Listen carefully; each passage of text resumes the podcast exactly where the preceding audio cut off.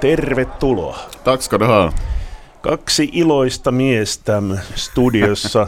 Meikäläisellä ei oikein tahdo vieläkään ääni kulkea. Tuli huudettua ääni kyllä aivan käheäksi. Siis, me ollaan puhuttu tässä jo pitkän aikaa siitä, että siis uskomatonta, uskomatonta. Kun Vepsu teki tuon ratkaisumaalin, niin mä hoin kaverille vaan, että tämä ei ole totta, tämä ei ole totta. Minkälaiset oli sun omat fiilikset? Ja, man börjar nog faktiskt få slut på ord för mm. det här. Alltså det är ju, är ju helt sinnessjukt det var. Och är nog häftigt om man får uppleva något sånt där.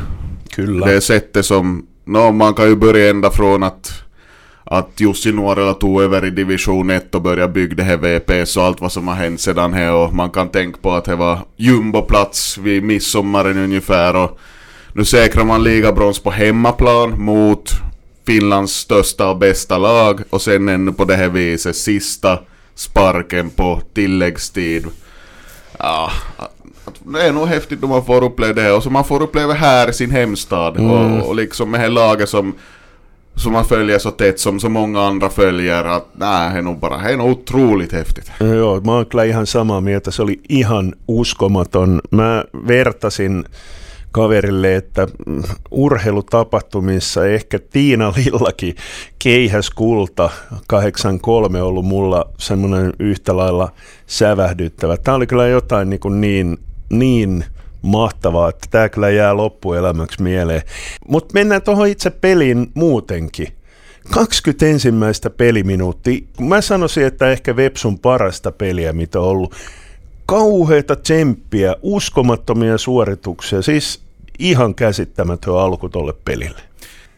Joo, om man jämför med FC Inter-matchen då nerverna var väldigt klart på yton. Det var anspänning där och det var med kanske den att man var rädd för att förlora den matchen, rädd för att gå miste om det här rekordet och allt vad som fanns där. Men nu var det ju helt annat VPS som kom ut, nu var det resolut, det var otrolig glöd i spelet. Och jag tror också att det var säkert lite medveten taktik den att man tänker HJK just varit i Skottland och spelat Europamatch. De kommer ur ett annat läge, de behöver inte ens liksom ta poäng i matchen och kan bli mästare ändå och så vidare. Så jag, var smart där att gå in direkt och ös på för fullt. Att man skulle inte ha måste ha gjort det, de skulle ha kunnat valt en helt annan taktik. Men de öst på för fullt och, och det var ju en stor nyckel till att det till slut blev de här tre poängen. Joo, ja jos mä haluan yhden henkilön nostaa tuolta esille, niin Jevgeni Pashkirov, hän oli aivan käsittämättömän hyvä se parikymmentä ensimmäistä minuuttia. Teki sen maali, Muistaakseni siinä 2-0 maalissa niin tuntui siltä, että HJK oli selvittänyt tilanteen ja Bashkirov tuli ja varasti palloa ja sitten tuli, muista kuka keskitti, muistatko paremmin kuka... Saame Lindemann. Joo. Me ollaan puhuttu Baskirovistakin tässä niin kuin välillä, että ainakin alkukaudesta ehkä mulla oli ainakin odotukset paljon paljon kovemmat, mutta ai ai mikä pelaaja. Ja, nej, han visar nog, han visar nog vad han är för, för en spelare faktiskt. Jag håller med till 100%. Alltså han var ju överallt. Och jätte, jätte kvick i pressspelet då HJK var lite sådär sömnigt i början så de, de hade inte en chans då han kom flygande så och ja, han gjorde första målet och sen också det andra målet så ser man att då det inlägget kommer så möter ju Baskirov bollen men han släpper han. Och så öppnas ytan då sedan till Peter Michael som gör det målet så mycket jättebra saker där och, och, och, jag vet inte sen då förstås påverkar ju matchbilden jättemycket att HIK fick till det målet före paus. Som nu var någon sorts så här och mm. drömmål. Jag vet inte riktigt var, var på foten han träffade bollen då han ropade i krysset men då kändes det ju som att ja, månne inte HIK fixar det här på något vis, åtminstone kryss och, och firar guld i Sandviken, men det blev ju inte så. Joo, ja sitten on pakko puhua tietysti Peter Michaelista. Esimerkiksi toi 2-0 maali, niin se näytti niin helpolta sijoitukselta, että vähän oli siinä, että eikö maalivahti ole mukana, mutta sitten kun katsoi sen hidastuksen, niin taisi mennä tolpan kautta, että, ja sitten tämä voittomaali siis uskomattomasta asennosta ja hirveä tykki maalin katto, siis ihan käsittämätön pelimies myös. Ja, kanske han också där just att då, då han hade samma läge mot Inter till exempel på slutet så försöker han lite mer placera bollen i mål men nu var jag som att nej nej. nu, nu, bara till blunda ta i allt vad jag går och rätt upp i krysset. Va? Alltså, helt otroligt och, och, och den målformen han har haft här på slutet alltså. Nu, han blev väl vald nu också till ligans bästa spelare för tredje månaden mm. i rad. Alltså, Voi olla kuule, että valitaan myös lokakuun pelaajaksi. ja, och kanske hela säsongens bästa mm. spelare, varför inte? Att, han utmanar ju på allvar det här HIKs skyttekung nu då, Bojan Radulovic till och med om att bli bästa målskytt i ligan. Så ja, nej. Och då känns det som lite otroligt att tänka att VPS har kontrakt med honom över nästa säsong. Mm. De har ligans bästa spelare där och de har lyckats binda upp med kontrakt. Joo, paljon on kuitenkin puhuttu siitä, että mahdollisesti Peter Michael voi lähteä isommillekin kentille, mutta kyllä mä nyt ainakin, jos Vepsulainen olisin, niin nyt pitää kyllä pyytää kunnon läjä rahaa. Ei tuommoista kultakimpaleista muuten kannattaa päästää irti.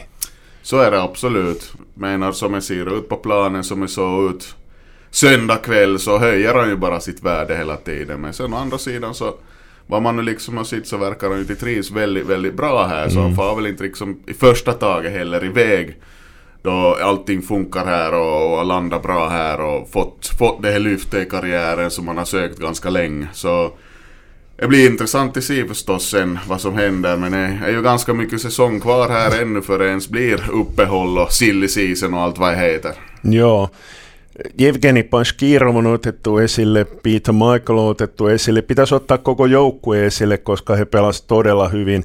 Teppo Marttinen, muutamia ihan uskomattoman hienoja torjuntoja, mutta pakkohan meidän ottaa esille tietysti Sebastian Strandval.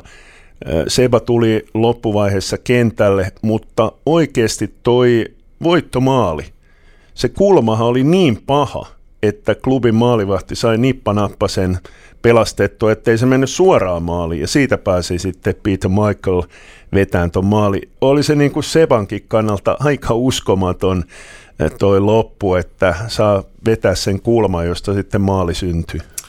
Ja, nej, du kan ju inte skriva ett bättre manus än sådär. Mm. Alltså just man tänker han meddelar i torsdags, han lägger av nu. Det var hyllningsvideo, hälsningar och allting före match och det var ett jättehäftigt tifo som VPS-klacken hade fixat.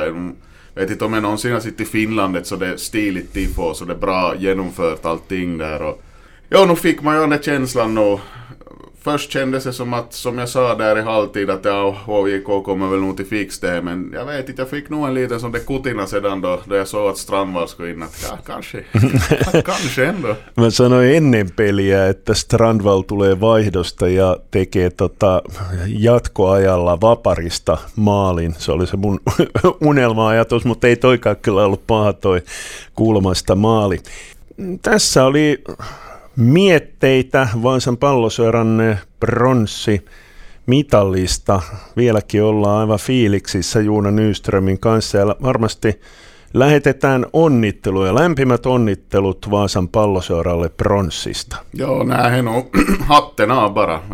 En stor prestation och otroligt sätt de, de gör det på hemmaplan på det här viset och de gav nog fotbollsfolk i Vasa en upplevelse som du sa här, är någonting som folk kommer, till, Kom ihåg hela livet. Det här. Och det kommer man till göra själv och så eh, bara till gratulera.